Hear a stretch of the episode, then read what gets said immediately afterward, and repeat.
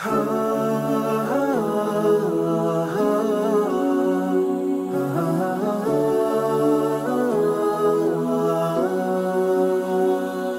alaikum och hjärtligt välkommen till Koranpodden och till premiäravsnittet för säsong 9 med temat brobyggare.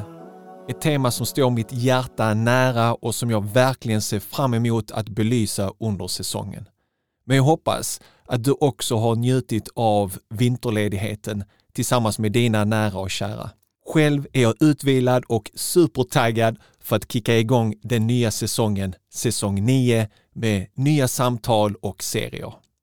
Jag heter Sally Tufekcioglu och detta är Koranpodden. Podcasten som hjälper dig förstå Allahs ord och där vi träffar intressanta personer och samtalar med dem om hur vi kan vara en del i byggandet av ett inkluderande och tolerant samhälle. Du lyssnar på poddavsnitt 228 och mitt samtal tillsammans med Karina Hjelm som gästade Koranpodden under avsnitt 120. Min dotter valde islam. Det var ett mycket givande samtal för mig personligen och toppar listan av de mest lyssnade avsnitten på Koranpodden. I det samtalet talade Karina om hur hon reagerade när hennes dotter berättade en dag att hon hade valt att bli muslim. Karina delade med sig av sina erfarenheter och inre strider och alla de fantastiska lärdomar som hon gjorde under sin resas gång. Om du har missat det samtalet så är det poddavsnitt 120. Missa inte det, lyssna på det. Men nu i detta samtal tillsammans med Karina Hjelm samtalar vi om temat för denna säsongen, säsong 9, vilket är brobyggare. Brobyggarna är superviktiga individer för vårt land.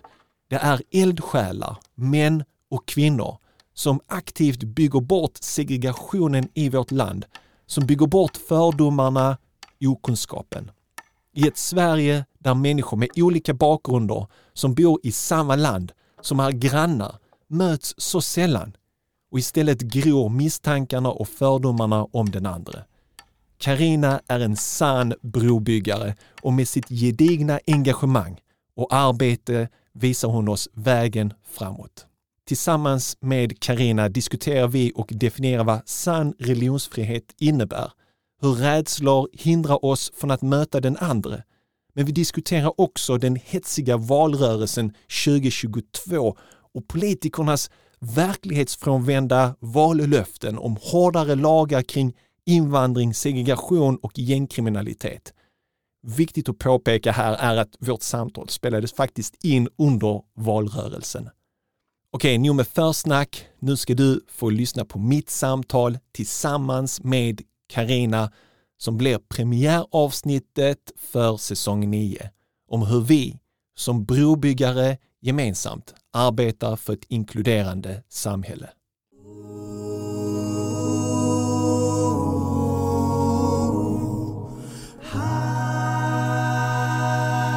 Välkommen Karina till Malmö, till mitt Malmö. Tack så mycket. Och till eh, Wakf moské. Fint att vara här. Välkommen. Det är de sydligare breddgraderna och eh, vi har haft väldigt varma och fina dagar här i Malmö och det var någon vän som hade varit i Stockholm när det hade regnat. Är det någon skillnad eller är det lika vackert i Stockholm de här dagarna?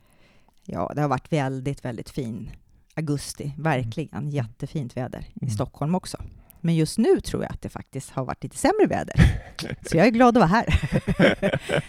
Av flera olika skäl, inte bara för vädret. Så. Ja. Du har blivit inbjuden av eh, Laila mm. Eh, att komma och föreläsa och eh, WACF har gett dig en möjlighet att kunna hålla den föreläsningen här i moskén. Och den kommer du hålla imorgon. På lördag. På lördag, ja. så var det. Mm. Det är torsdag idag. Ja. Mm. Och när du håller den föreläsningen, då åker jag upp till Stockholm. Ja. Så synd, för jag skulle jättegärna vilja ha lyssnat på din föreläsning. Eh, men nu befinner vi oss i moskén, klockan är ganska sen och du sa liksom med det här ljuset kommer man ju inte somna. Nej. Eh, väldigt starkt vitt ljus. Eh, och jag har en liten intressant berättelse här för att jag, jag skulle köpa nya lampor hemma. Och så funderar vi på, ska vi ha vitt ljus eller gult ljus eller liksom, och så träffade en, eh, vi besökte en lampaffär Och då sa, pratade vi om det här med vitt och gult och så. Då sa han till mig så här att människor som bor mer mot Medelhavet och Mellanöstern och så, de vill gärna ha vitt ljus. Medan vi nordbor föredrar mer det gula, liksom lite dämpade. Mm. Så att det här, är, det här vita ljuset är lite ovanligt för mig. Mm. Men som sagt, man, man vaknar till ordentligt. Mm. Det är sånt där ljus, eh, ja, för lyssnarnas del så kan jag ju säga att det är ungefär sånt där ljus som är i ett provrum när man går in där, så här starkt ljussken. Precis. Ja. Eller när man är hos frisören tycker jag också de har ofta väldigt starkt Ja, ljus. precis, Mm. precis. Um, ja, alltså sist vi träffades, då hade du släppt den här boken och eh, det var och jag, jag publicerade det här avsnittet, vårt första avsnitt då i 2020 i april månad. Mm. Jag hade läst din bok och jag var så fascinerad för att jag hade alltid hört konvertitberättelser. Man hade hört liksom bara den ena sidan av storyn. Man hade inte fått höra den andra storyn liksom av Mm. pappor eller mammor då vars barn hade konverterat till islam. Så, så det var väldigt unikt. Så min första fråga till dig helt enkelt är ehm, hur har, vad har hänt sen du släppte boken? Vad hände sen? Ja, vad hände? Jag tyckte att det var ganska mycket till en början. Eh, flera artiklar som var ute, Mm. tidningar och det skrevs om boken. Ehm, efter något år, när jag hade själv givit ut den, så kom den ut som ljud och e-bok. Då var det ett bokförlag, just här nere i Malmö faktiskt, som kontaktade mig och ville ge ut den som Mm. ljud och e-bok. Jag blev Så så, den- glad när det blev till en ljudbok. Ja. Alltså det, det är ändå ganska stort alltså, för du har gett ut boken själv. Jag har gett ut boken själv, så att den delen var ju det här bokförlaget Word Mm. Audio Publishing som valde att Mm. ge ut den. Då. Så, så de har det. Är, är, det du som, är det du som läste in boken eller är det någon annan? Nej, det är inte det. Jag har inte lyssnat på. Är du, är du nöjd med personen som läser in boken? Ja, jag är nöjd Ja. med den personen, ja, med den kvinnan. Fast jag hade gärna velat läsa in. Jag Mm. eh, framförde det, men Ja. de ville ha en van inläsare så, så att jag förstår det. Hur många har lyssnat på den? För det har kommit lite kommentarer också. Eh, man kan lyssna på boken vi- via vilken tjänst? Är det den här svenska stora Det är Storytel. Storytel? Mm. Precis. Hur många är det som har lyssnat? Vad är det för kommentarer som har kommit? Ja, det är ju lite blandade kommentarer Mm. kan man säga. Det beror på hur man liksom ser på den här boken då, Ja, utifrån vilka glasögon man bär. ja. Ehm, har varit en hel del faktiskt som har varit rent eh, islamofobiska, okej. hatfulla. Mm. Så jag har kontaktat dem och de har plockat bort dem, Storytel då? ja, för det går emot deras eh, riktlinjer. Har de inte egna filter och egen liksom, mekanism där de plockar bort allt det här? Måste Nej. författaren kontakta Storytel och bara uppmana dem att uh, ursäkta, ni har lite Ja. hatiska kommentarer här som ni borde... Det var länge sedan jag var inne och tittade nu, men Okej. i början var jag inne ofta och läste kommentarerna och Mm. många, många jättefina kommentarer också. Mm. Men just de här som var hatfulla, de fick jag själv kontakta och be och få plocka bort och då Mm. gjorde de det Mm. eftersom det gick emot deras riktlinjer. Så det kändes ju väldigt bra att de lyssnade på Mm. mig. Jag, jag, jag tänker ibland tenderar man att fokusera på de negativa kommentarerna Mm, och glömma bort de många positiva. mm, mm. Men jag menar, din bok är ju fantastisk. Alltså, jag, jag förstår inte. Då är det människor som kommer med sina egna fördomar och liksom... Mm. Ja. Eh, det som har varit eh, blev ju då, i och med att det handlar om att min dotter också flyttade en period till Saudiarabien och just det tror jag är, blev extra, att, att eh, de kommentarerna som var, att man tyckte att det kanske var eh, som lite extremt då, Mm. eh, just med att Saudiarabien är det landet som det är och synen på det landet här i Mm. väst, så att säga. Mm. Ehm, och att man kanske då tyckte att det blev åt det extrema hållet, som en del har skrivit, att det som lite hjärntvätt eller så. Ja. Det är lätt att klistra på det. Mm. Alltså för de, de kommer ju med sina glasögon redan och tolkar in det där. Jag, jag tänker på, eh, det blev en del möten på bibliotek, eh, samverkansmöten i moskéer. För jag kommer ihåg när jag lyssnade på din story så sa jag så här, det här måste, du måste ut till moskéerna. Alltså muslimer måste också lära sig. För att vi hör bara konvertiternas stories men inte föräldrarnas. Mm. Ehm, Jag vet att du har varit i eh, moskén Medborgarplatsen. Mm. Nu har du kommit till Wakf. Berätta lite grann om moskén i Medborgarplatsen och de här samverkansmötena? Ja, det har varit samverkansmöten som har varit inte bara gällande för min del, att jag har varit där och föreläst, utan man bjuder in samverkan goda grannar med Katarina församling och polisen och socialtjänsten och man vill försöka samverka verkligen för samhällets alla invånare så att säga. Och det är jättefint att jag också har fått möjlighet att få komma med mm. dit på deras samverkansmöten. Så det är den kontakten som har varit. Men sen kom ju den här pandemin yeah. som också gjorde, jag var liksom på väg ut och sen så tog det stopp. Yeah. Men nu har talarmäklarna anlitat mig. Wow. Än så länge har det inte hänt så mycket därifrån, men jag hoppas ju verkligen på att yeah. det ska bli. Så att eh, nu är det Laila och Samar som har bjudit ner mig här och jobbat mm. för att jag ska komma till föreläsning här mm. på, i Malmö då. Mm. Eh, om jag kan gå tillbaka till när vi träffades första gången. Mm. Eh, nu har det gått, vad är det, två år eller någonting? Kanske? Ja, vi träffades ju hösten 2019 när yeah. själva avsnittet ja, släpptes. Avsnittet släpptes. Ja, så det är ju några år. Mm. Mm. Men där är en sak som jag har burit med mig. Alltså det är någonting som du planterade hos mig. Mm. Eh, som jag är djupt tacksam för. Du lärde mig vad sann religionsfrihet innebär. Och jag tror jag, jag la den här kommentaren inte under inspelningen, utan jag, jag, jag gav den till dig senare. För att jag läste boken och jag förstod att din dotter hade valt att bära niqab, mm. Eh, som kallas för ansiktslöja. Och då tänkte jag så här, oj, hon gör det så svårt för sig själv. Det finns så många andra imamer som har tolkat på ett annat sätt, att man kan bara ha en vanlig slöja. Så varför ska hon göra det så svårt för sig? Hon kan ju gå den här andra tolkningen och den här andra vägen. Jag la den kommentaren till dig. Och då satte du mig på plats. Mm. För då sa du, du accepterade inte mitt argument. Utan du sa i stil med att det här är hennes val. Detta är vad hon har kommit fram till och jag respekterar det om hon mår bra av detta så, så respekterar jag det. Det är hennes val och vi har religionsfrihet. Och det där har jag burit med mig hela tiden. Mm. För det kan man höra bland muslimer också. Varför gör det så svårt för dig? Du kan anpassa dig, du kan ändra på saker och ting. Hänger med? Och, och det här finns ju paralleller till hur judarna levde i Tyskland på 30-talet. För det fanns ju judar som var integrerade och sen hade du judarna ute i getton som gick i svarta rockar och de här pol långa polisongerna och klädde och såg annorlunda ut och åt annorlunda. De integrerade judarna såg ner på de judarna som var i getton. Varför går de klädda så? Kan de inte ändra på sig så att tyskarna kommer att acceptera oss?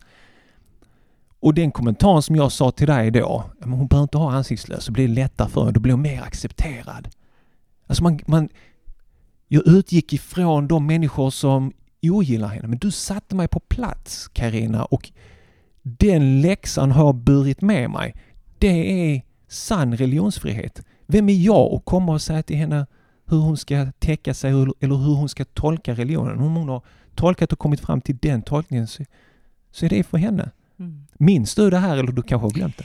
Ja, jag funderar på, för, jag kommer inte ihåg att vi pratade just om den delen, men jag vet ju att när hon var i Saudiarabien så gjorde hon ju det, mm. för det är ju se där. Mm. Men här hemma har hon ju inte haft det. Däremot mm. så kanske jag jag minns någonting om att jag pratade om det, att, att vara lite mera strikt praktiserande religionen och att det kan skilja sig åt vad man mm. väljer, hur man väljer att leva. Mm. Och att det är upp till individen själv, för att mm. vi har religionsfriheten. Och det måste man själv få välja hur pass man vill praktisera. Precis. Eh, och överhuvudtaget så vill jag verkligen poängtera hur viktigt det är att varje människa går i sina egna skor. Mm. Vi vet inte hur det är att vara någon annan. Vi, det är bara jag som ser ut genom mina ögon, du ser ut genom dina, var och mm. en ser vi ut genom våra. Och vi har våra egna tankar. Det är liksom mm. ingen annan som kan komma och säga att jag mm. har valt fel väg eller någon mm. annan har valt, för det, man mm. måste få välja sin egen väg. Och det är ju fantastiskt att vi har ett land med en demokrati och med religionsfrihet, än så länge, får jag säga. För det finns en oro för vart bär vårt land väg, mm. liksom, som det är nu. Det är väldigt mycket hat, väldigt mycket vi och dem. Och det har blivit betydligt värre sen de här 13 åren när hon konverterade, tycker jag. Ja. Jättesorgligt, mycket pekfingrar. Ja, Och ja, det intensifieras nu inför valet. Mm. Eh, det blir ju mer pekfingrar, mer Mm. liksom... Eh, jag tycker det är den jobbigaste perioden i Sverige Mm. inför val. Mm. Alltså då, jag bara känner det är för mycket. SD skriver på sina affischer, inga islamister på våra gator, inga islamister i Malmö. Och eh, definitionen av islamist Mm. eh, är olika hos olika människor. Ja.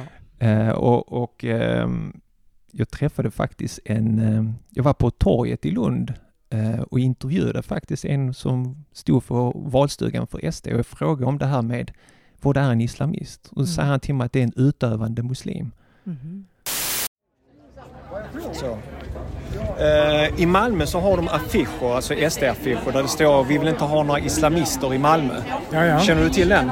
Nej, Ja, okej. men jag kan tänka mig. Ja, precis. Ja. Hur, hur definierar du en islamist? Vad är det för någon? Ja, alltså jag är inte så äh, jätteinsatt men jag, jag ser det som någon som äh, utövar islam, en islamist. Man säger en, en kristen, man säger inte kristianist. Nej. Man säger kristen. Men det måste väl vara motsvarande, en islamist. Så en, en islamist är någon som utövar islam? Ja, så han kan vara muslim, men han kan vara från Filippinerna eller... Islamist från Filippinerna? Ja, All right. det tror jag. Okej. Islam Men måste... det är intressant att vi inte har eh, alltså, en term för, för att om du är utövande kristen, då är du bara kristen. Men, men muslim, Jude, om du är utöv... jude, du har ju jude. Mm. Man säger inte judian. Judist. Ja. Men varför har man det om muslimer? Nej, men det är, bara, det är väl bara så att det blir så i språket. Mm. Eh, islamist. Så om du har en slöja, om du ber, om du går till moskén eller du vill bygga en moské, då är du en islamist. Mm. Och det är livsfarligt. För att de kan inte skriva inga muslimer på våra gator. Nej. Men du kan skriva inga islamister. Men ingen förstår skillnaden mellan en islamist och en muslim. Mm.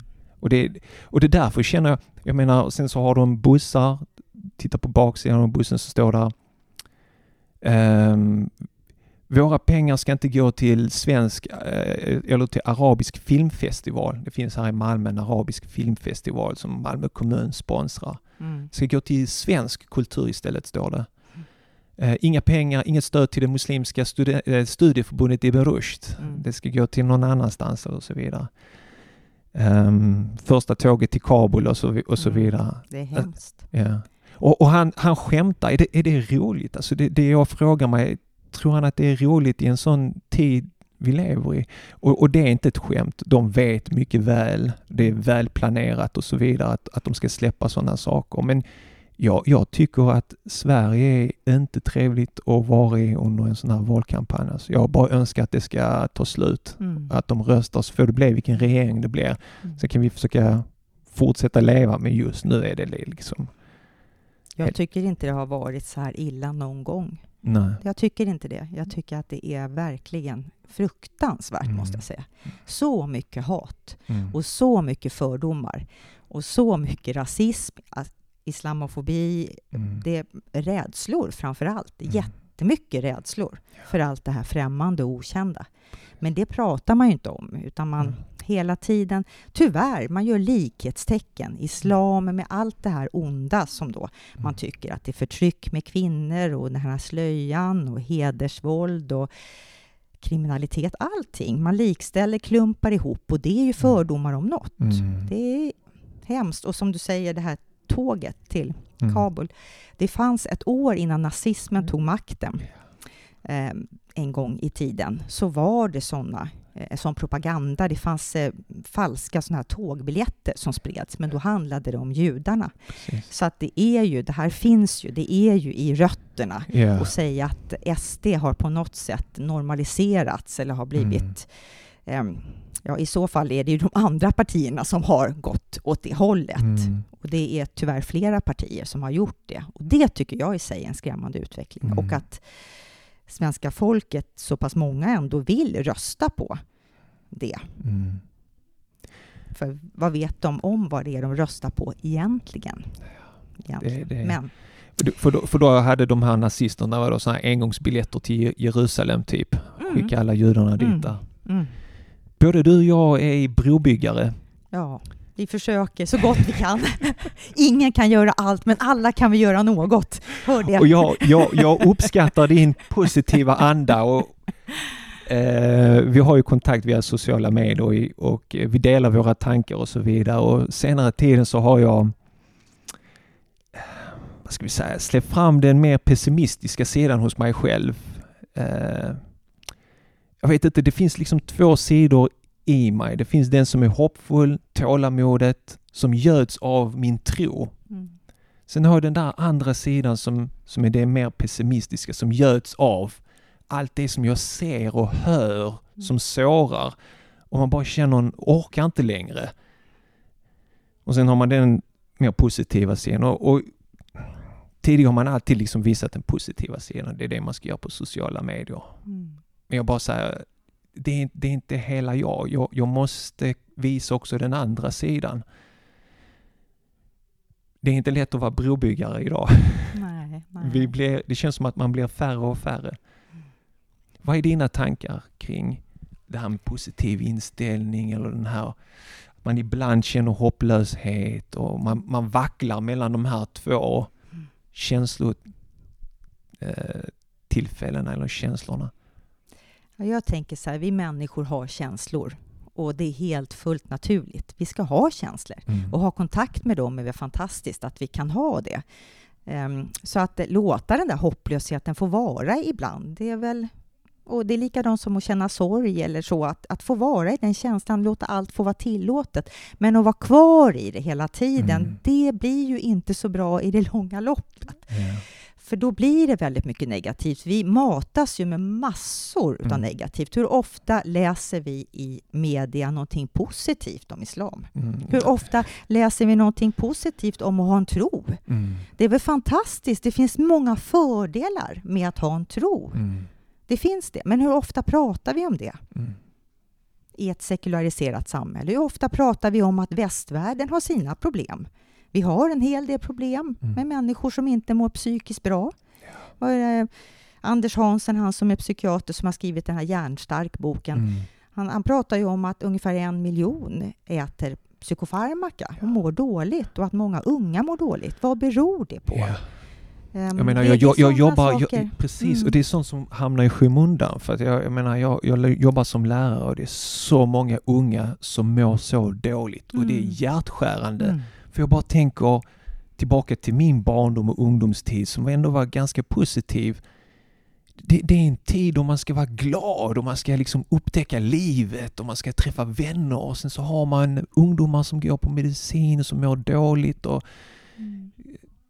det är, men det är då lättare att, att prata om eh, andra saker och peka finger på att eh, de här, den här gruppen av människor vill inte integrera sig. Nu ska vi inte ha Somali towns och nu ska vi inte ha China towns och Italian towns. Alltså så här. Mm. Och så glömmer man bort allt det där andra. Det blir ett syndabockstänkande Ja. och vända det här som istället för att vända blicken inåt och börja tänka på vem är jag? Mm. Vad, vad, vad är det som gör att jag mår så här? Vad är det som gör att jag tänker så här om andra? Man stänger liksom, en nyfikenhet för någon annan finns inte, utan man har redan sin sanning klar för sig. Jag vet. Och det är ju så här, fördomar, Mm. sju sekunder tar det. Det sker oftast omedvetet. Sju sekunder går ju blixtsnabbt Mm. innan vår hjärna placerar en person som vi ser i ett fack. Och det gör hjärnan utifrån då kläder, hårfärg, ja, slöjan då Mm. framför allt, Ja, som är väldigt het potatis och som Ja. återkommer hela tiden och handlar bara om förtryck. Ja. Men vi förtrycker ju de här kvinnorna som själva väljer den.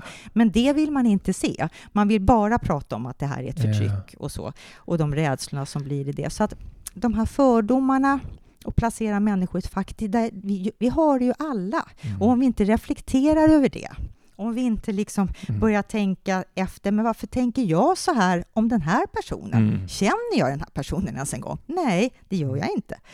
Men jag har he- helt, helt klart min sanning klar för mig. Och Mm. då blir det ju så att vi går och på något sätt, hjärnan är också så att den vill gärna spara energi. Den är Mm. lite lat av sig. Den har svårt att skilja mellan fantasi och verklighet, Mm. har jag läst. Och Ja.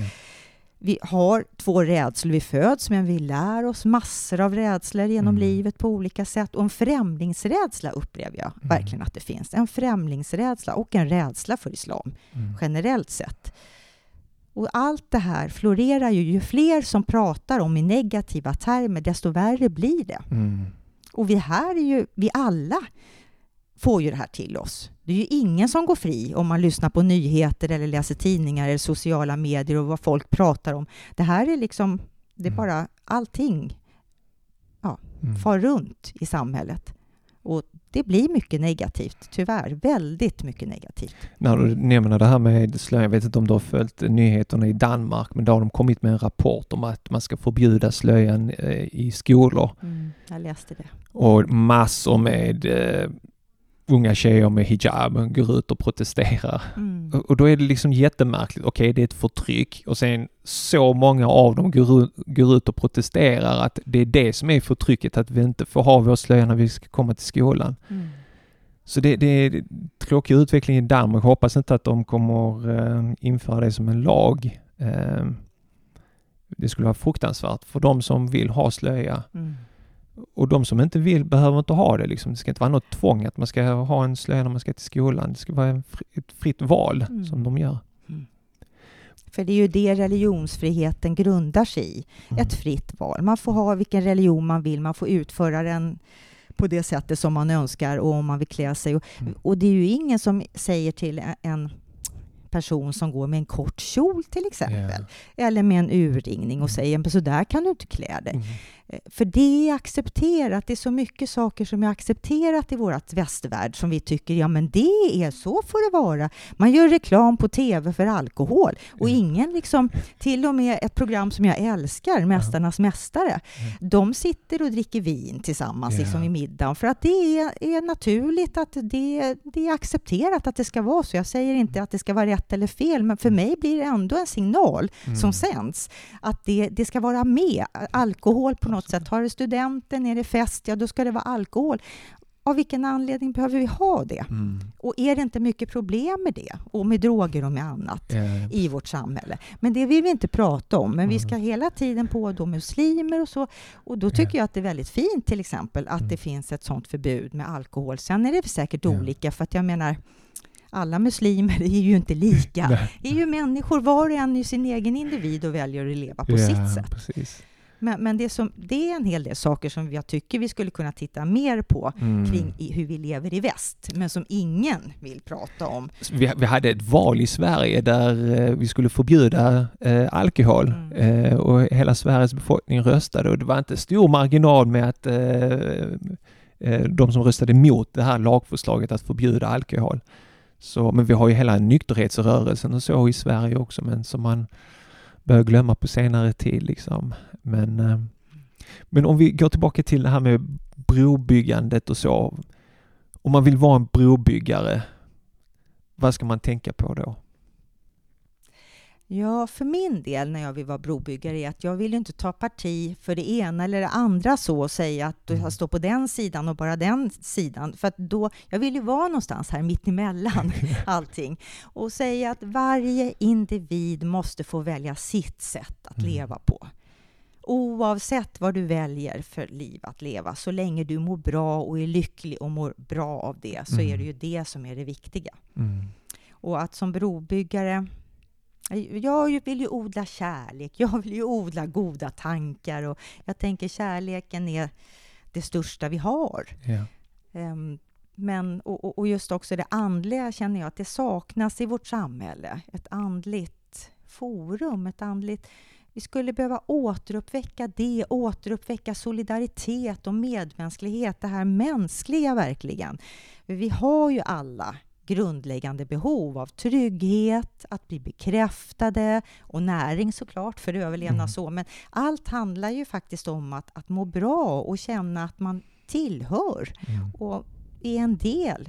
Och, och jag tror att i vårt samhälle idag så finns det flera människor som verkligen inte känner att man är en del av helheten. Man känner sig utanför. Mm. Och det är det här som blir de här klyftorna. Och det skapas ju än mer om vi hela tiden ska tänka vi och dem. Mm. För det är också något forskning har visat senaste fyra åren.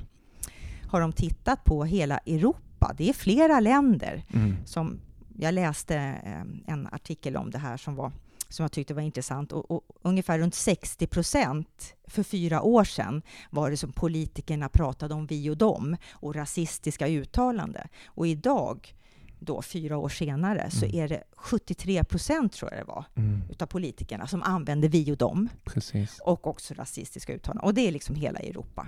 Så hur ska man då som brobyggare tänka? Jo, det är att inte säga vi och dem, Ja. utan prata om alla. Mm. Alla är vi människor. Det är ju det första. Alla är vi människor. Ja. Och vi lever här en kort stund på den här jorden. En kort stund. Mm. Det är en blinkning. Vi vet inte när livet tar slut. Ska vi hålla på och dela upp oss och bråka och tjafsa Ja. istället för att värna det här? Det finns ju så mycket fantastiskt underbart Mm. i livet. Men det är just de där eh, varma åsikterna eller den här kärleken och omtänksamheten och så. För att det som jag känner är att det är ett hårdare klimat. Det ska vara hårdare straff, längre straff, ehm, pekpinnar och så vidare. Det är inte den här med omtänksamhet. Ta till exempel tunga kriminella som jag har samtalat med både på podden och utanför podden. Jag brukar fråga dem jag hör politikerna säga det här. Fler poliser, hårdare straff, längre fängelsestraff. Är det här lösningen? Jag har inte hört en enda av de före detta kriminella säga att det är lösningen. Istället går de tillbaka till när de var väldigt unga, när de gick i skolan, inte fick uppmärksamheten, när det gick snett första gången, det inte fanns några vuxna förebilder och så vidare. Det är dit de går. De säger nej, det här med hårdare straff, så det är inte lösningen på problemet. Men, men alla tävlar om att vara hårdare. Mm.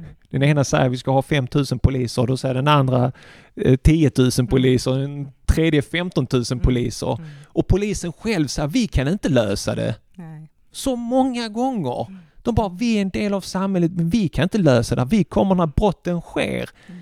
Det är andra krafter som måste ta, ta, ta till det här. Tro inte att vi ska lösa eh, samhällets problem, att kriminaliteten ska försvinna. Det handlar om ansvarsfulla eh, pappor och mammor, ett aktivt föreningsliv, en skola som fungerar och så vidare. Men alla bara skjuter sakerna på polisen. Mm. Jag har eh, lyssnat på en bok som heter Tills alla dör, som Mm. är skriven av Diamant Sali eller Saliou. Eller Ja, den här journalisten som varit Ja. mycket i de eh, kriminella eh, gäng, alltså så här, eh, han har bevakat dem. Ja, sen i slutet av 90-talet tror jag, eller någonting Mm. sånt där. Det var då det började och då fanns det varningssignaler som sändes då när man började dra in på resurser som extra stöd i skolorna. Man plockade bort poliserna från området. Mm. De här närpoliserna som visste vilka det var som kanske var på glid, som kunde liksom stoppa och hjälpa till i tid. Eh, så det här har ju byggts upp i vårt samhälle allt Mm. eftersom.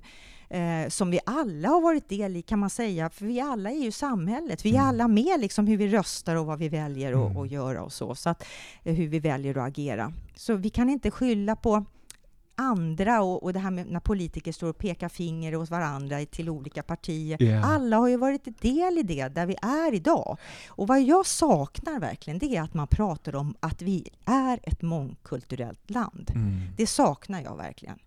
Ingen pratar om det här mångkulturella och hur vi kan lära oss att leva sida vid sida Mm. i det mångkulturella. Vi skulle behöva titta på länder som har mångkulturalitet, eller om man kallar det så, eh, för att och liksom lära oss hur, hur, hur kan vi vandra sida vid sida i respekt för varandra. Mm. Vi behöver inte tycka lika, men vi behöver respektera varandras olikheter. Mm. För vi, vi har ändå väldigt mycket likheter om man verkligen tittar på det. Mm. Så um, det finns... Ja, det saknas, och det saknas också ett hopp på något sätt. Jag Ja, tycker att det tack. är så mörkt. Hoppet, ja, mörkt. Alltså, hoppet finns inte, men Ja. hoppet är väl det sista som sägs lämna en människa. Ja. Det behöver vi återuppliva. Hur ska vi kunna finna ett hopp Mm. i det här? Eh, för, för jag menar, även, jag vet inte om du känner till, men jag har ju till och från arbetat under två års tid på anstalt. Ja, nej det Ja. känner jag inte till faktiskt. Nej. Men, men anstalt, jätteintressant. Berätta Mm. om det. Hur, hur, hamnade, hur hamnade du där alltså, och började jobba där och vad är din erfarenhet? Jag är jättenyfiken.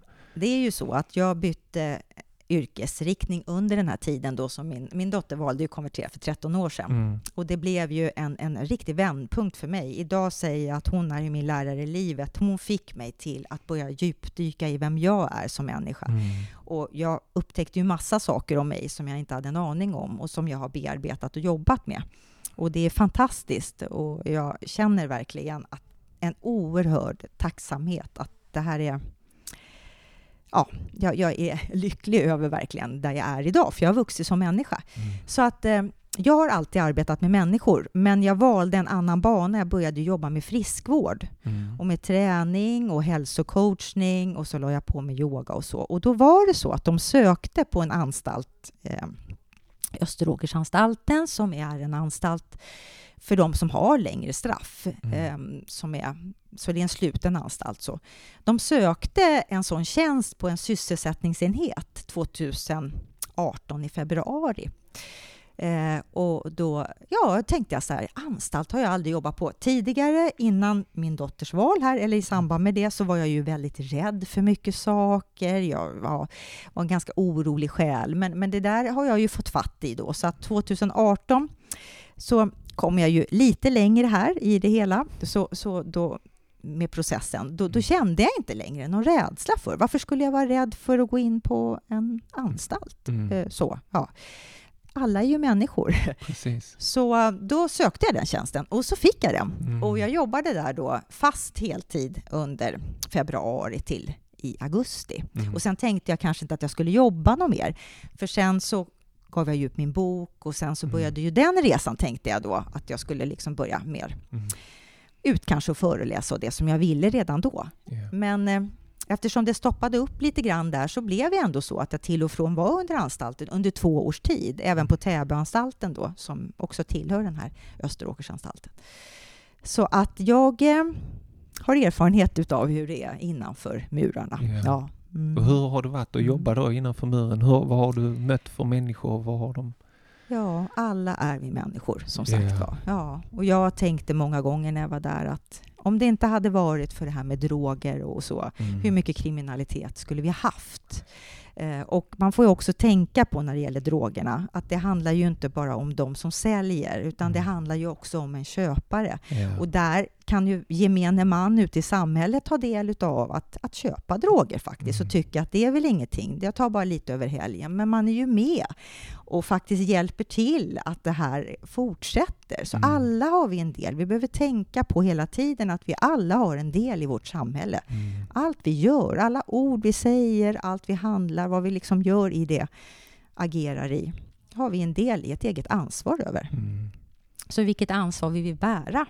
Och inte peka finger åt andra. Mm. Och jag har mött så många fantastiska själar, måste jag säga. Som så här förtroliga samtal. Jag har ju lett yoga. Mm. Mm. För jag, jag var också på en, jag var också på en sätt. anstalt en gång. Jag, jag blev bjuden dit och, och höll en kort föreläsning där, eller anförande. Och de, de hade fått veta att jag skulle komma, så de hade bakat och så vidare. mm. Jag vet inte vad de satt där för. Och jag, men jag mötte människorna. Mm. Och jag mötte värmen och jag mötte eh, att de lyssnar på mig och de vill förändra sina liv och förbättra sina liv. Jag menar, vill, vill man att människor ska återgå till samhället så kan du liksom inte straffa in dem tillbaka till samhället. Alltså genom att förnedra dem eller liksom i slutändan måste du ju på något sätt röra vid deras hjärtan och ändra på dem inombords som kan komma tillbaka till samhället och vara riktiga goda samhällsmedborgare, tänker jag. Mm. Och som du säger, röra vid hjärtat. Mm. Det är ju så att om vi har... Det är det som jag tror mycket med vårt samhälle. Det är så mycket yttre fokus. Vi, vi, vi lägger... Vad är värderingar i vårt samhälle? Vad är det som vi ser som viktigt? Är det viktigt att röra vid hjärtat Mm. och prata om djupare saker, om att vara människa? Om att det är ganska tufft att leva? Det är inte någon dans på rosor alla gånger, Nej. utan det livet har sina toppar och dalar. Mm. Och så är det för oss alla.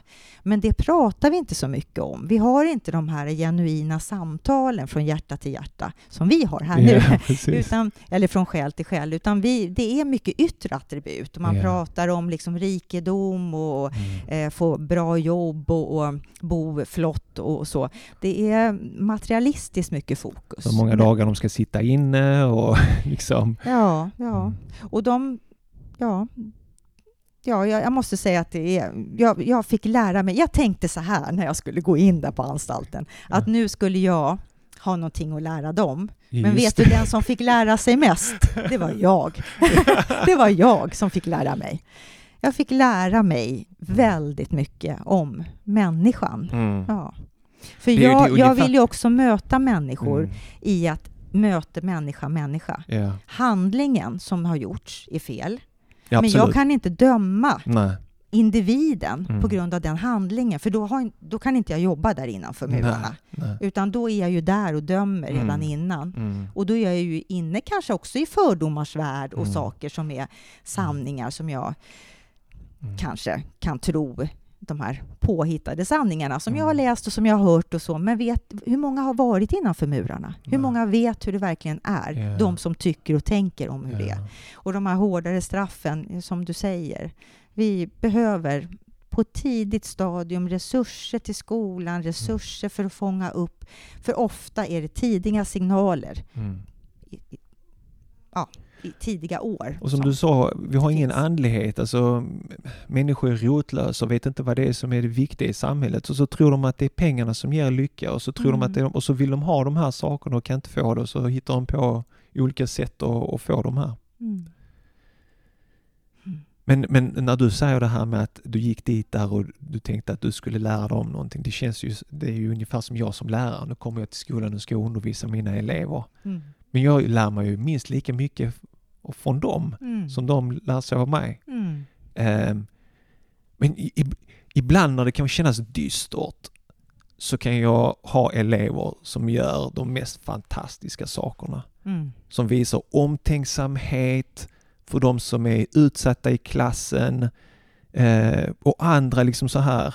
Var har du fått de här goda värderingarna ifrån? Jag tror det var helt kört för när jag lyssnar på de vuxna så ser jag inte det. Nej. Eller när jag tittar på de som ska vara politiker och leda samhället. Men ni, ni kan liksom, ni bryr er om varandra. Sen är de inte allihopa änglar så, men, men i, det är många gånger som de liksom briljerar Mm. och så, där de rör vid mitt hjärta verkligen. Mm. Så att ehm, jag, jag tror just det här med att, att vi, vi, vi går in i möten med tanken så här, nu ska jag undervisa den andra. Mm. Men vi går inte in i möten med, nu vill jag lära mig någonting. Nej. Och vi, går, vi, vi saknar den här nyfikenheten på någon annan. Yeah. Vi går in där med att vi tror att vi vet. Exakt. Ja, men, men, och, och då finns ju inte nyfikenheten Nej, när vi tror att vi vet. precis. Mm. Jag tror ödmjukheten är, är jätteviktig att Mm. komma in med den. Vad är din nästa stora projekt då? Ja, Blir det någon uppföljning på boken eller? eh, något? Ja, det har jag faktiskt också funderat på. Jag Mm. vet att den stä- frågan ställde du, tror jag, förra Ja, gången också. eller? Ehm, men nu har jag verkligen funderat på den. Jag har varit i Mm. kontakt också med den kvinnan som hjälpte mig i slutet att få ihop liksom Mm. hela boken. Så, ehm, och vi har pratat om eventuellt om jag skulle ta upp på nytt och sen så bara förlänga lite mot slutet och titta Mm. i lite delar om man ska justera något. Men än så länge är ju så att rättigheterna för ljudboken löper ett Mm. år till. Så att det, det, de rättigheterna som är på det förlaget måste ju i så fall Har löpt ut Ja, eller? ja Mm. precis. Okej. Innan jag kan göra någonting. Så, nej, mitt fokus just nu är ju att komma ut och föreläsa mer. Ja. Jag vill ju prata om det här med Mm. rädslor och fördomar och normer. Vad har vi för normer i vårt samhälle? Mm. Ja, inte är normen att det är så att vi ska sätta på en hijab och, och bli muslim, utan Mm. normen är ju som du pratade om, de här Mm. yttre attributen. Mm. Att tjäna pengar, bra utbildning och, och den här självständiga kvinnan. Och så länge vi inte ser en kvinna som bär en hijab som en Mm. självständig kvinna, utan en förtryckt kvinna, då blir ju det krockar hela tiden. Så det, blir, det är ju svårt. Mm. Det är svårt för den kvinnan, men det är också svårt för, för anhöriga runt omkring. Mm. Eh, Och det är det jag vill prata om, för att jag har Mm.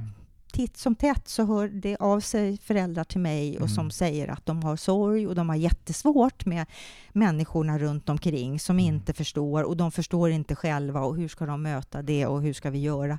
Och det är ju spridat att det råder Mm. väldigt mycket fördomar. Det råder okunskap, det råder eh, rädslor och, och det här hatet, att det är det vi matas med och det har blivit Mm. värre genom de här vi och dem hela Mm, tiden. Det är det jag vill ut och prata om och bygga broar då med Ja. att prata om människan. Vi är alla människor. Mm. Och så länge en människa inte mår dåligt av och är lycklig över sitt val. Ja. Och det Som- inte skadar någon annan. Nej, precis. Det skadar ju verkligen inte någon annan. Om Nej. du är lycklig och mår bra och får leva det på det Ja. sätt som du vill och önskar, då är ju det fantastiskt. Kommer du ihåg när handskakningen var en stor grej? Ja. Oh, det måste Mm. man... Och det var så Mm. mycket och det var så tufft. Sen kom covid och sen var det inte så viktigt med handskakning längre. Nej, Då kunde vi göra fist bump och vi kunde hitta på massa andra grejer och hälsa på varandra. Och bra mycket bättre egentligen, för det visade ju sig att det, det smittar ju ganska mycket att hålla på och skaka hand med Ja. Det blev ju mindre faktiskt med Ja. spridning utav olika andra Ja. former utav vinterkräksjuka och sådana saker under den här Exakt, perioden för att man exakt. inte höll på att skaka hand och för att man kanske också var lite mer försiktig med Ja.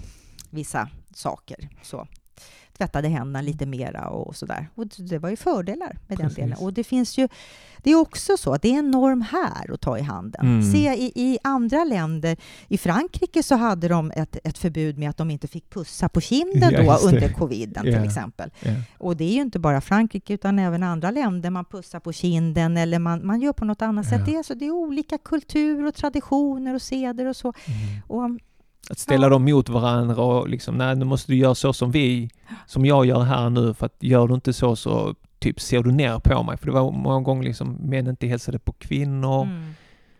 Eh, Det var ju den stora grejen, för kvinnor hälsar ju inte på männen man tar i handen då. Det var inte så farligt för den muslimska mannen att han inte hälsar på en kvinna. Det, man bakade in så mycket i Mm. det så att säga. Det blev något förtryck tror jag. Ja, det är ja, också att man tänkte att det är så. Ja. Den, den, den muslimska kvinnan är förtryckt. Ja. Men, men ja, det där just, vad är det som gör, tänker du, att det är så? Mm. Att vi ser det som ett förtryck, till exempel, den här slöjan. Va, Mm. Vad tänker du? Var har det kommit ifrån? Mm.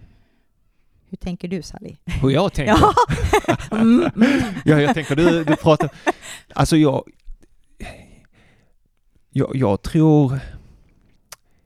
Vad ska vi säga? Eh, nyhetsrapportering tror jag nog. Mm. Eh, nyheter, filmer, böcker, populärkultur.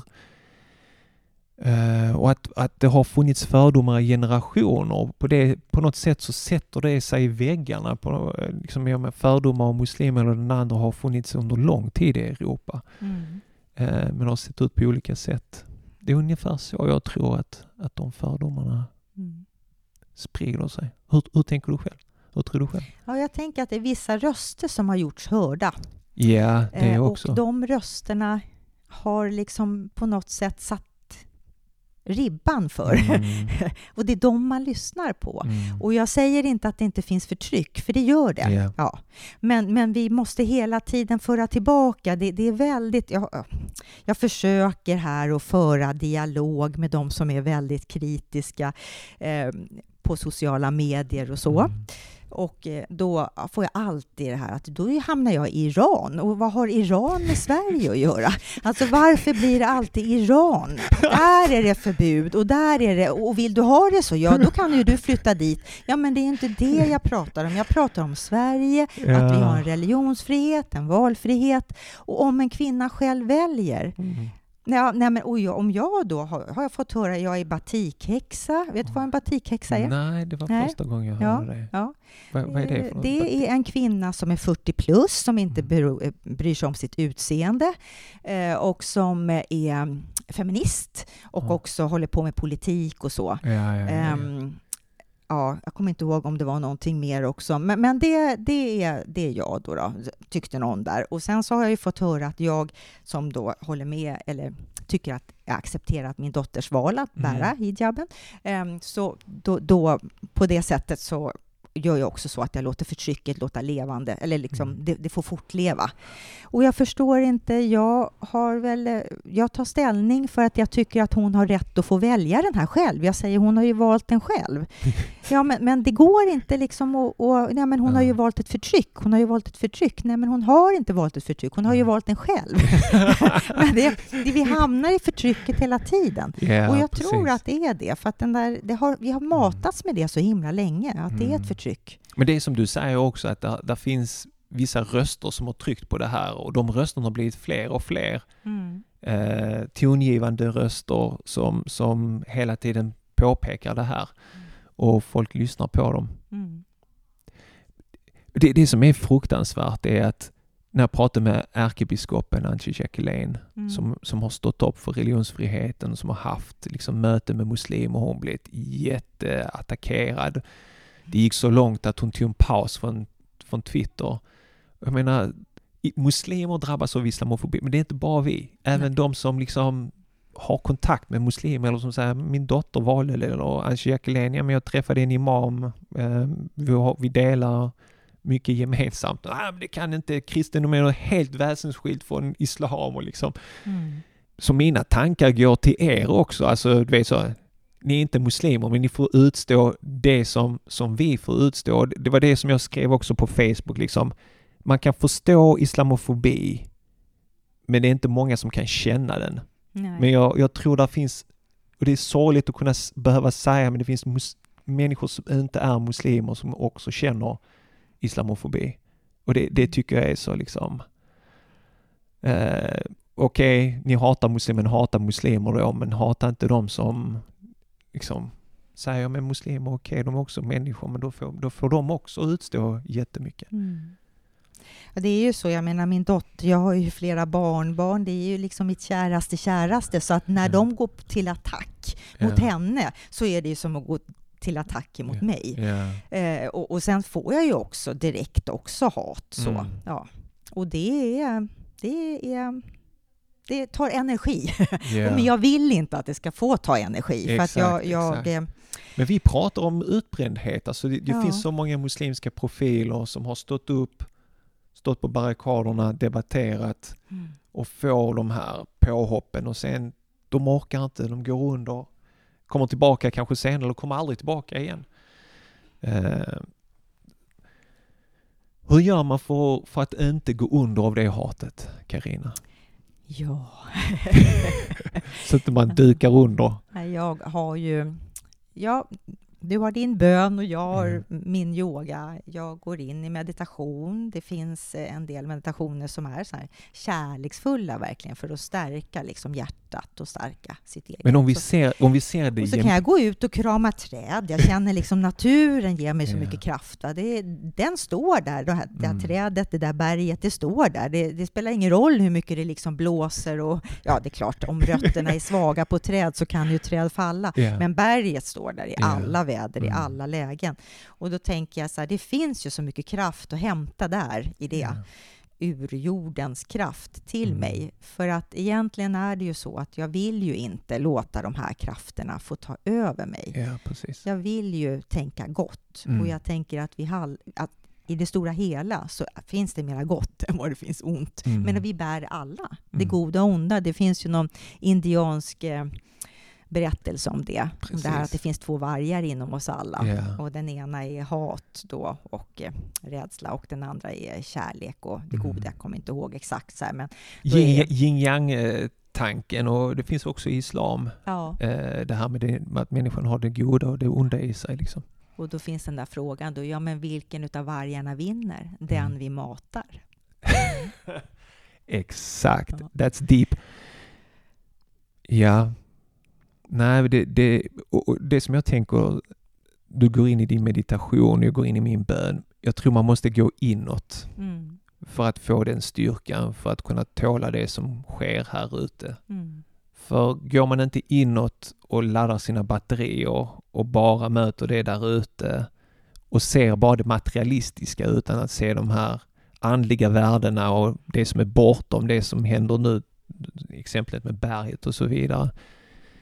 Har man inte det så, så, så blir det väldigt tufft. Om jag tittar tillbaka till mig själv, hade det inte varit min tro så hade inte jag sysslat med det som jag gör idag med, med det hoppet som jag har ändå och de samtalen som jag för och det som jag skriver och försöker göra. Eh, utan min tro hade jag inte gjort det, jag hade gett upp för länge sedan. Mm. Du gör ett fantastiskt jobb, ska du veta, med ditt brobyggande. fantastiskt, och jag är väldigt tacksam att jag fick komma igen och prata med dig, för det det är ömsesidigt, Karina. Det är ömsesidigt. Jag menar... Vi försöker ju verkligen. Mm. vi vill gott. ja. ja. Jag menar, jag följer dig och eh, läser allt. Alltså, du är som en, som en stora syster till mig. Mm. Eh, så, när, så när min hopplöshet ja. kommer och jag, jag, skriver någonting och ser dina kommentarer så är det liksom... Eh, tar tag mig själv i kragen och eh, eh, börjar föda den positiva sidan och släpper den där hopplösa mm. hopplösheten lite. Eh. För det är som du säger, man har de två sidorna, man måste bejaka dem. Man, man, får, man får inte mata den ena för mycket. Nej. För då vinner den, utan man ska mata den där andra sidan, mm. se till att hålla den vid liv. Mm. Eh, och sen tror jag också, som du säger, det här med att gå in i oss själva, absolut. Mm. Lära oss, för ju mer vi förstår oss själva och vad vi mm. vill, för jag ser det ju här som att det här är en gåva som jag har fått. Mm. Jag har ju sagt så här, är jag troende eller är jag inte troende? Jag har varit så. Men det mm. känns ju som om det är en, en skapare som på något sätt ändå, det finns en anledning till att jag är här, mm. just här och nu, i det här livet. Mm. Eh, och den gåvan är det här, att jag ska vara här för att försöka bygga broar. Det är liksom, jag är så övertygad i det. Det är verkligen, det känns mm. verkligen så starkt inom mig. Det, det bara utstrålar från dig alltså. Ja. men, men det gäller också att ha människor omkring sig som hjälper yeah. en framåt. Mm. Då kan vi inte ha de här människorna som är hatiska och emot och så, mm. utan de här som stöttar, som lyfter, liksom, håller mm. en under vingarna. Mm. Och de får man ju söka sig fram efter att hitta. Precis. För att känna att det... För sen är det ju så som du säger, vi dyker ner och det är jobbigt. Ingen mm. människa är ju någon övermänniska Nej. och är alltid liksom hoppfull. Precis. Men... För när jag gör de djupdykningarna och, och, och liksom när jag känner en viss hopplöshet och så vidare och eh, när jag kommer tillbaka det är ju vissa nyckelpersoner i mitt liv som, som, som jag lutar mig mm. eh, och som, som fångar upp mig eh, och som jag känner ett stöd ifrån. Så att ensam är man inte stark, man behöver ha fina människor omkring sig som, som lyfter en när det inte bär längre. Tillsammans blir vi starka, brukar jag säga. Nej, men det är så, ingen människa är en ensam Nej. ö. Mm. Men det har ju också något eh, som kanske varit ett problem i vårt samhälle, att mm. vi har, var, har, haft det här med individualismen. Att vi, mm, vi behöver också det nu och tänka mer tillsammans. Vi skapar det här samhället tillsammans och Exakt. vi lever i ett mångkulturellt samhälle. Sverige är ett mångkulturellt mm. land. Mm. Ja. Hur fortsätter vi härifrån och framåt? Och hopp liksom, i det. Det var ett radioprogram som jag lyssnade på och då var det några som ringde in till studion och beklagade sig över ungdomarna, hur de inte sköter sig och de har ingen vett och etikett och så vidare. Och sen så ringde en annan tredje person in till studion och sa, bara så ni vet, att det är vi som har uppfostrat de här ungdomarna och barnen som ni klagar på. Mm. Det är ju vi vuxna som har pro- mm. Så varför skyller ni på dem? Är det någon vi ska skylla på så är det vi vuxna. Ja. Som inte har... Det är något vi har gjort fel så att det har blivit så här. Mm. Det, det, var liksom så klockrent. Det var liksom, ja. nu lägger vi ner allting. Ja. Nu, nu får alla gå hem och titta på sig själva och sluta klaga på, på andra utan börja med dig själv först. Mm. Mm. Super, vi, vi skulle kunna fortsätta prata ja. så här all evighet. Men jag önskar dig lycka till eh, på lördag. Ja, eh, vill du bara ge mig en liten smakprov på vad du, du tänkte prata om? Nämna. Ja, ett litet smakprov. Nej, men det är det här som, som först kommer jag ju givetvis utgå ifrån min erfarenhet. Mm. Vad var jag 2009 när hon gjorde sitt val? Mm. Jag var i fördomar och i rädslor. Jag hade matats redan då Mm. med negativitet kring islam. Och det var min sanning då. Så jag var livrädd. Jag var livrädd och jag förstod inte alls. Och de stora förändringarna som blev, det blev mm. ju väldigt mycket ett förändrat levnadssätt. Det blev en sorg för mig och jag kände en enorm maktlöshet. Jag kunde inte påverka, jag skulle bara finna acceptansen. Jag ville ju inte kritisera, men mm. ja, det var svårt. Så att jag kommer ju prata om de delarna. Mm. Och sen kommer jag prata om, men vad är rädslor? Mm. Vad, vad är det som gör att vi har rädslor? Det finns ju biologiskt arv i det kring Ja. rädsla, överlevnad. Mm. Så det är inte så konstigt att man kan vara rädd för något som är främmande och okänt. Men det är ju också så som sagt att vår hjärna kan då ha svårt att skilja på fantasi och verklighet och spela upp massa scenarier Mm. inom, inom en liksom med saker som kommer att hända som kanske aldrig någonsin händer. Precis, ja. Det. Så det kommer jag prata om och lite normer och kulturkrockar som, som kan bli. Men allting går ju att övervinna och Mm. överbrygga. Men vi behöver då kunskap. Vi behöver öka kunskapen, öka vårt nyfikna sinne för någon annan Mm. och vara medveten om att vi alla bär på fördomar, för det gör vi. Det är ett mänskligt fenomen att, att ha fördomar. Men ofta är vi omedvetna om det. Jag, jag, Så hopp, sen jag, vill hoppas, vi bygga broar. Ja, det är därför jag är här. jag hoppas så många som möjligt kommer och, och det är, jag är extra glad att du har eh, lärt känna Laila eh, som är en stor förebild för många av oss eh, Mm. här i Skåne och eh, jag, vet, jag vet att du betyder jättemycket för henne liksom och eh, det är kul att se. Det är kul att se att, att eh, ni har lärt känna varandra. Och, så Jag är mycket tacksam för det, men jag tänker att det finns en mening med det också, att Ja. vi ska känna varandra. Och hon är ju konvertit sedan många år tillbaka. ja, precis. Så det... Mm. Ja, Toppen. Tusen tack. tusen tack själv. Ha det så gott. Detsamma. Hej. Då! Hej hej. Tack för att du lyssnade på mitt samtal tillsammans med Karina om vikten av att vara brobyggare och inte låta våra rädslor och fördomar styra våra liv. Det som jag särskilt tar med mig från mitt samtal tillsammans med Karina är att föda hoppet och kärleken som finns inom mig och som finns inom dig. Vi behöver odla godheten, vara brobyggare. Du kanske redan är en brobyggare. Om inte, då är detta en öppen inbjudan. För alla kan vara brobyggare och dra sitt unika strå till stacken för ett inkluderande samhälle. För tillsammans blir det så mycket lättare och roligare att bygga broar. En planka åt taget. Vill du komma i kontakt med Karina för eventuellt boka henne som föreläsare eller coach, då gör du det lättast genom att besöka hennes hemsida sundarelivsstil.se.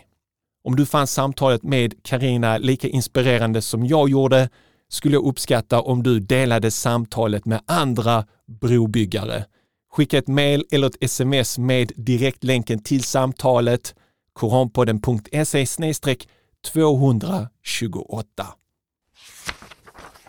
Nästa vecka besöker vi Köpenhamn, Danmarks huvudstad och samtalar med den levande legenden, den danska konvertiten och imamen Abdulwahed Pedersen som konverterade till islam år 1982.